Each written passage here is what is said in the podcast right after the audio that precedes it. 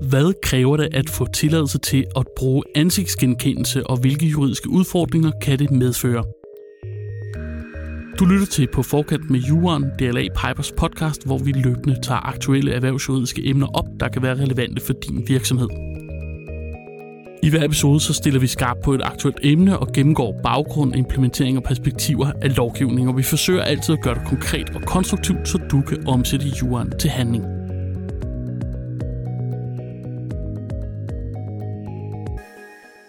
Fodboldklubben Brøndby IF har som den første private virksomhed i Danmark fået tilladelse til at bruge ansigtsgenkendelse. Men hvorfor er den her teknologi effektiv?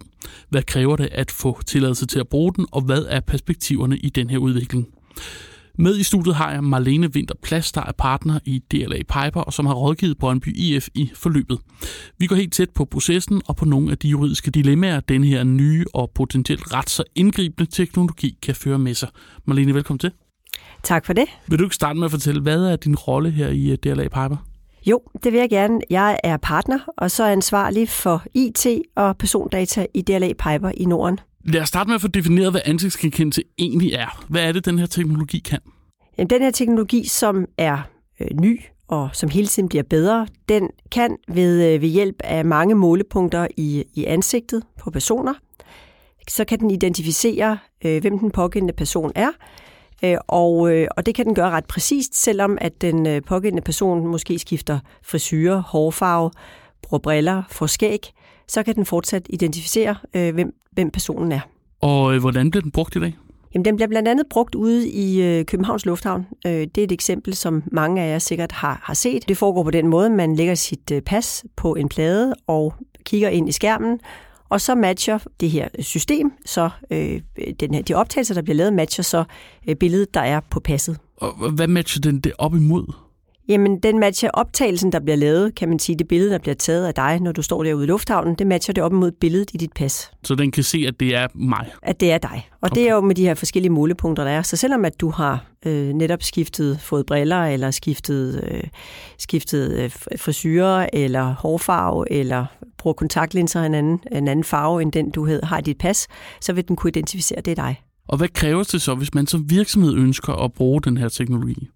Jamen, der kræves en hel del. Og man kan sige, først og fremmest, hvis en virksomhed ønsker at bruge den her teknologi, ansigtsgenkendelse, det bliver betragtet som øh, biometri.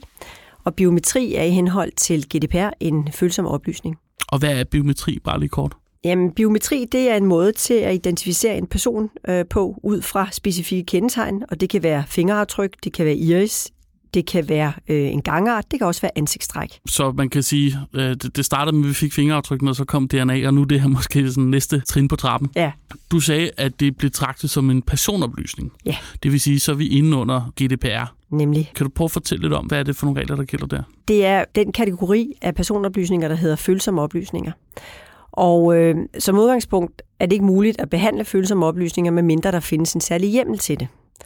Og, øh, og, og derfor gælder det om, hvis man vil, øh, som privat virksomhed vil anvende et ansigtsgenkendelse, det er at finde en særlig hjemmel til det, som står beskrevet i, i databeskyttelsesforordningens artikel 9. Og hvad kan det være for nogle hjemler?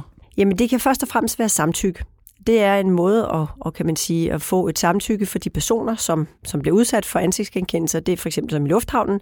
Der samtykker man, når man går frem mod, øh, mod skærmen og lægger sit pas på den her skærm, så samtykker man til brugen af ansigtsgenkendelse. Og det her samtykke, det skal være specifikt, og der er nogle helt særlige regler, der skal være opfyldt for at kunne bruge samtykke. Hvis vi lige bliver ved øh, lufthavnens eksempel, så skal der også være et alternativ, hvis man ikke ønsker at samtykke til brug af ansigtsgenkendelse. Så derfor er der jo også ude i, i lufthavnen, ude i Kastrup, er der jo også nogle skranker, man stadig kan gå hen til og få tjekket sit pas. Så hvis vi skal komme et eksempel, så kan man sige, hvis en virksomhed for eksempel ønsker at indføre øh, ansigtsgenkendelse som adgangskontrol for ja. medarbejdere, ja. så skal der være en dør, medarbejderne kan gå ind i, hvor de ikke bliver udsat for ansigtsgenkendelse. Ja, fordi hvis du bruger samtykke, så skal der altid være en mulighed for, for den pågældende person at kunne trække sit samtykke tilbage. Og den pågældende person skal jo også kunne komme ind på sin arbejdsplads. Mm. Hvis nu samtykke ikke er den hjælp, man går efter, hvad kan man så ellers, hvordan kan man ellers få lov til at bruge det her? Jamen, der er forskellige øh, specifikke hjemler, der står i databeskyttelsesforordningen. Og i det her eksempel, som vi skal tale om i dag, der, øh, der, talte, der, der brugte vi øh, væsentlig samfundsmæssig interesse. Det er en blandt flere hjemler, man kan bruge. Men hvis man nu skal bruge det her hjemme, så kræver det jo, at man får en tilladelse. Ja, i det her tilfælde, ja, der kræver, der kræver det, at, at, at, at der indhentes en tilladelse, og den tilladelse, den skal indhentes hos Datatilsynet.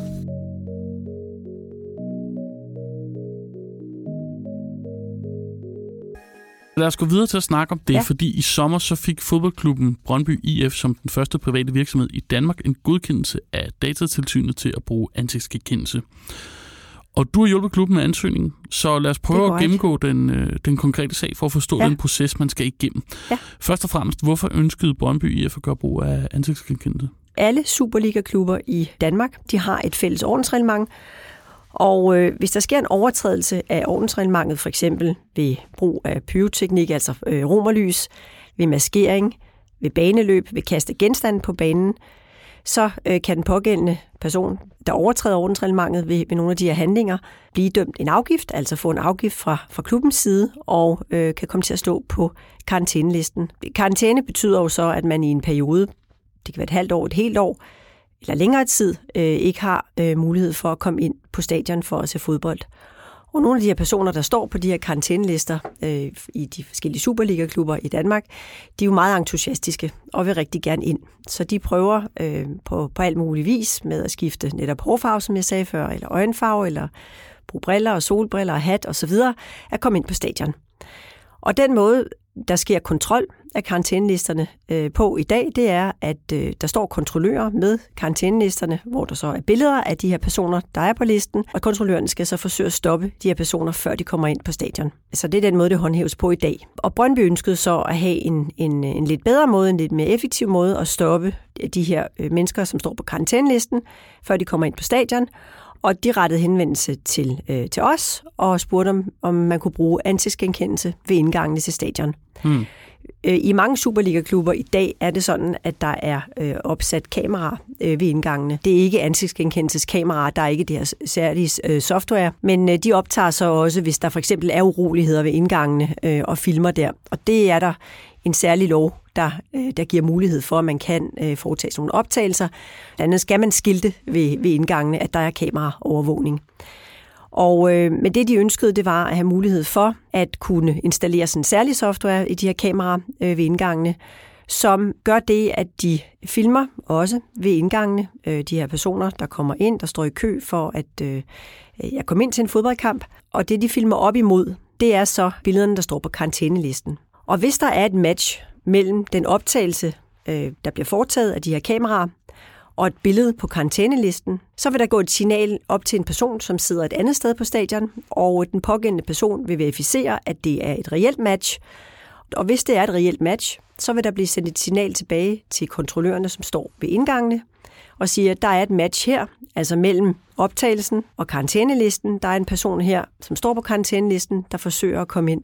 Og, øh, og så vil en af kontrollørerne tage den pågældende person til side og bede øh, ham eller hende om at vise et ID, for igen at kontrollere, at det er den rigtige person. Hvordan fungerer det så? Nu står jeg ikke på karantænelisten. Hvis jeg tager ud og ser fodbold ude på Brøndby Stadion, og det her kamera filmer mit ansigt og registrerer ikke på karantænelisten, hvilke informationer bliver så gemt? Jamen, der, det vil så ikke blive registreret nogen steder. Hvis der ikke er et match, så sker der ikke nogen registrering, så sker der ikke nogen læring af de her oplysninger. Og hvis der er et match, så sker der en læring men det sker kun med henblik på at kunne identificere en person, der står på karantænelisten, og det vil sige, at efter kampen, så bliver den her optagelse, den her læring, det her match, det bliver slettet. Okay, så Brøndby IF gemmer ikke nogen nej. af de her biometriske data over tid? Nej, nej, det gør de ikke. Hvis vi prøver at dykke lidt ned i den her ansøgningsproces, kan du prøve, kan du prøve at tage os med igennem øh, processen? Ja, det var en, øh, en ganske fin proces, øh, som egentlig ikke tog øh, så lang tid. Det tog et halvt år, fra vi først rettede henvendelse til øh, datatilsynet. Og vi startede med at kontakte datatilsynet, og de sagde, at I skal lave en skriftlig ansøgning, fordi det her har vi ikke prøvet før. Og det var i december øh, sidste år. Ja, det er så et år siden. Og vi havde så i øh, januar måned i år et, øh, et godt møde med datatilsynet, hvor de havde stillet en række spørgsmål, både af kan man sige, juridisk og teknisk karakter. Og der blev efterfølgende fremsat nogle spørgsmål øh, til ansøgningen, og de blev så besvaret, og jeg tror, der var et par supplerende spørgsmål.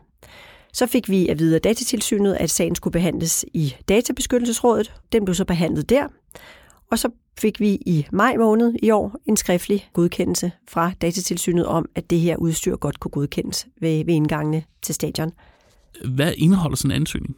Vi valgte, der er ikke sådan en skabelon som sådan for en ansøgning, men øh, det vi valgte at gøre, det var jo selvfølgelig at øh, først og fremmest at argumentere for den her hjemmel, vi vil mm. anvende.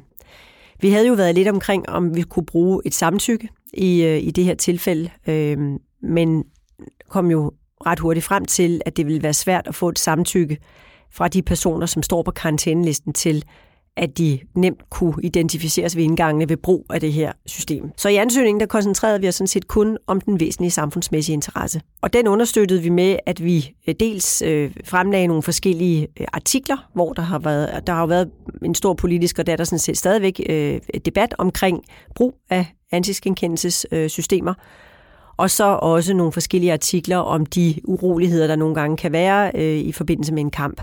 Og det var sådan den ene ting. Øh, den anden ting, det var, at vi udarbejdede det, der hedder en konsekvensanalyse. Og i konsekvensanalysen, der redegjorde vi sådan for, kan man sige, hvad var de tungtvejende hensyn bag den her øh, behandling? Hvorfor der var en offentlig interesse, øh, og hvad legitimiteten var. Vi øh, redegjorde også for, at der ikke skete nogen sådan automatiske afgørelser. Og det var det, jeg forklarede øh, lidt tidligere, at med at der ikke sker en automatisk afgørelse, når der er et match, så vil der ske en øh, prøvelse af matchet ved, at der er en person, der verificerer det øh, et andet sted på stadion. Og igen ved, at den pågældende skal identificere sig selv med øh, en eller anden form for ID.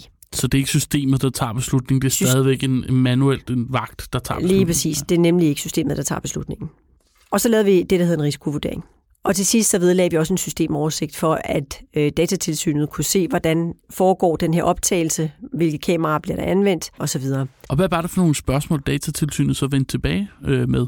Jamen, datatilsynet havde særlige spørgsmål vedrørende øh, systemet, øh, hvordan netop at optagelserne skete, og om der netop skete en læring om de her data, fordi det der jo, kan man sige, er, er frygten, er jo, at de her data vil kunne bruges til andre formål. Så det var jo, øh, det vil jeg i hvert fald tro, øh, at det var, det var derfor, de spurgte så meget ind til det. Og, og, og da der sker en sletning, når der er et match, og der slet ikke sker nogen læring overhovedet, når der ikke er et match, så godtog de det. Men det vil sige, det er noget af det, man skal være opmærksom på og forberedt på, hvis man vil indgå i sådan en ansøgningsproces, det er, at man skal være meget konkret i forhold til læring, for eksempel, og i forhold til ja. anvendelse. Ja, altså en af de andre spørgsmål, de stillede, det var, øh, altså, hvilken softwareimplementering er der, øh, hvilke algoritmer anvendes, øh, hvilken adgangskontrol er der også, hvem er det, der anvender systemet. Og det, hele det her, de her, dem, der kan anvende systemet i det her tilfælde, var jo kun de, øh, kan man sige, særligt uddannede personer, altså der skulle sidde og efterkontrollere øh, matchet. Datatilsynet, de opstillede nogle forskellige vilkår. Ja. Må du prøve at fortælle om det? Jamen, det gjorde de, og et af vilkårene var, som det vi var inde på før med, med match. Hvis der ikke sker noget match, så sker der ikke nogen læring, og hvis der sker et match, så bliver det slettet øh, efter kampen.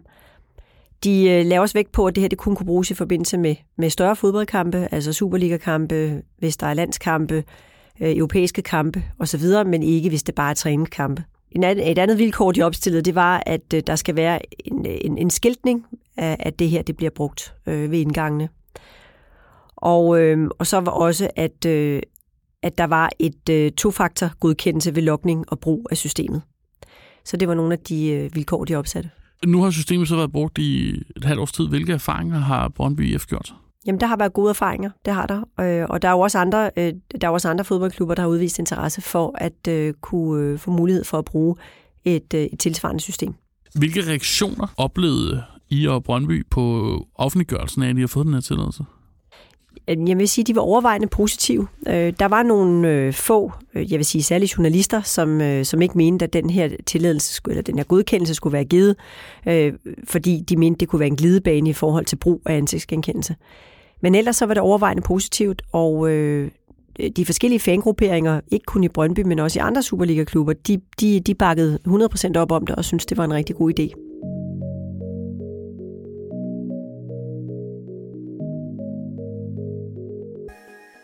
Ansigtsgenkendelse er jo yderst effektivt, men anvendelsen af de her data er jo også ret indgribende i øh, de registreredes privatliv.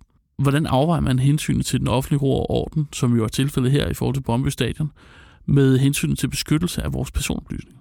Jamen i det her tilfælde, der er, er det jo blevet afvejet med, at det, der er blevet givet en helt og meget specifik, eller en meget specifik øh, godkendelse fra datatilsynet øh, med, at systemet kun må anvendes til de her helt særlige øh, formål, netop øh, at øh, identificere dem, der står på karantænelisten. Det er jo også den måde, som det er fornuftigt at bruge sådan et ansigtsgenkendelsessystem. Det er jo at sige, at det må kun være til de helt særlige formål.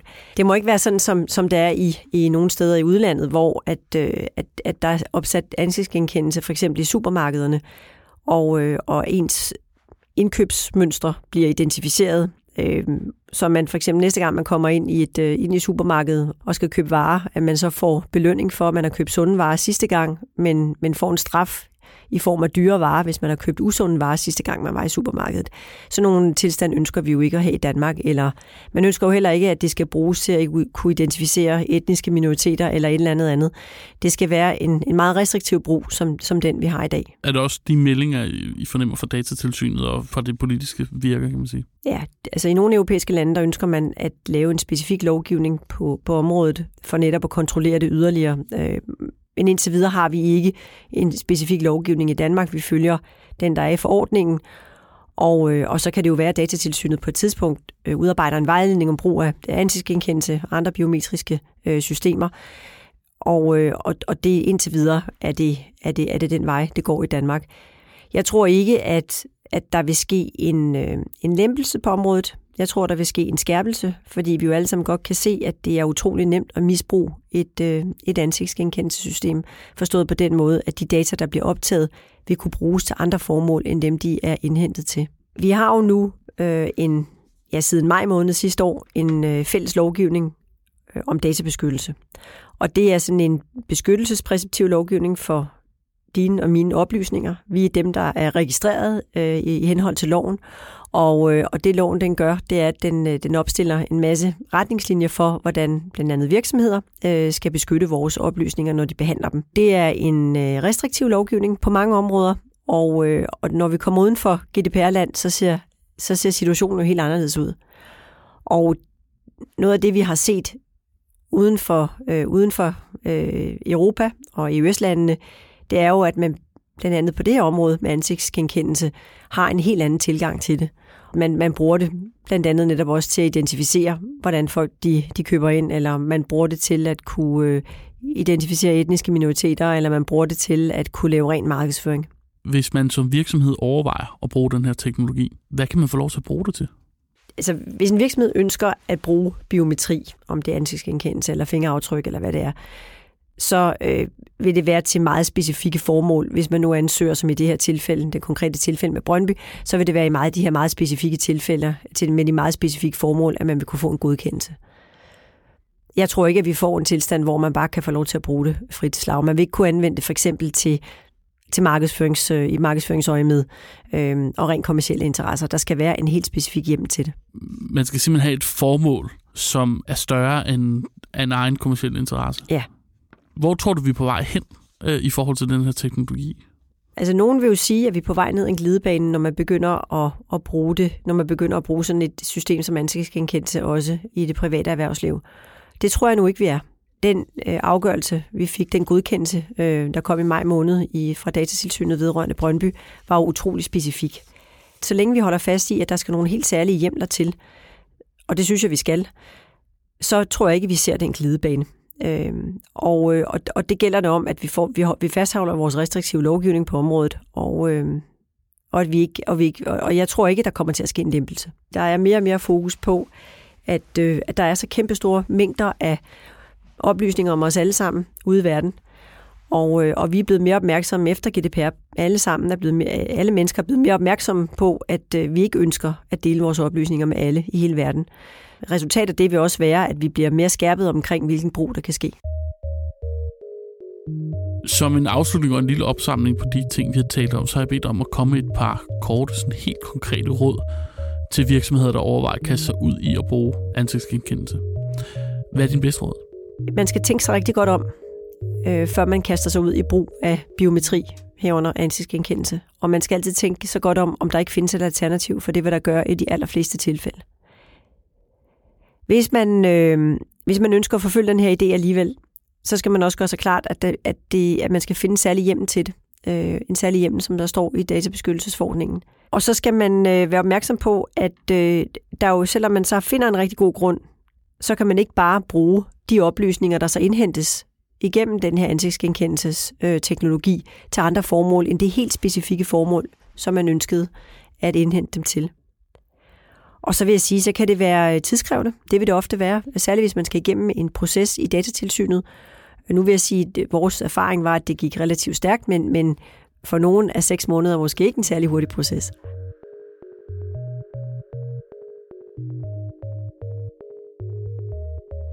Det var, hvad vi har valgt at bringe i denne udgave af På forkant med Juren. Dagens emne det var ansigtsgenkendelse, og eksperten var Marlene Winter Plads. Du kan finde og følge podcasten i din foretrukne podcast-app. Du kan også finde dette og kommende afsnit på vores hjemmeside dlapiper.dk. Mit navn er Magnus Krabbe. Tak fordi du lyttede med.